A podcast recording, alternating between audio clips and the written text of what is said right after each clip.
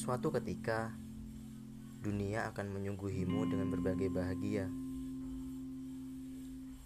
Disuapinya kamu dengan berbagai euforia yang kadarnya tak kalah banyak dari bintang jagat raya.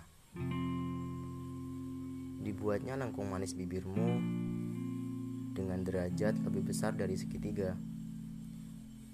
Hingga diterbangkannya sukmamu tanpa perlu lagi terikat gravitasi dan mengorbit pada tata surya. Namun suatu ketika, dunia pula yang akan membuatmu runtuh. Walau semangatmu telah tinggal separuh, kamu tetap saja dibuatnya jatuh. Hingga perlahan tanah membentur tubuh. Raga terus merapuh dan jiwa menjadi keping-keping yang tak lagi utuh kamu merasa dibunuh.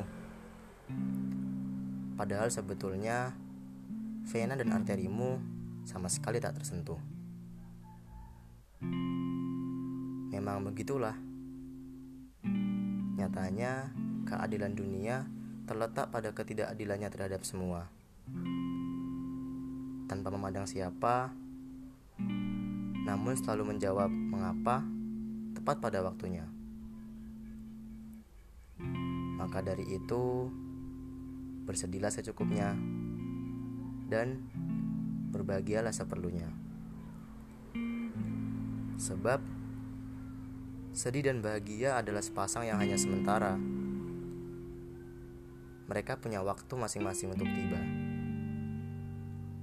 Sedih, sambutlah ia dengan sabar dan tetap berbaik sangka pada setiap ketentuannya.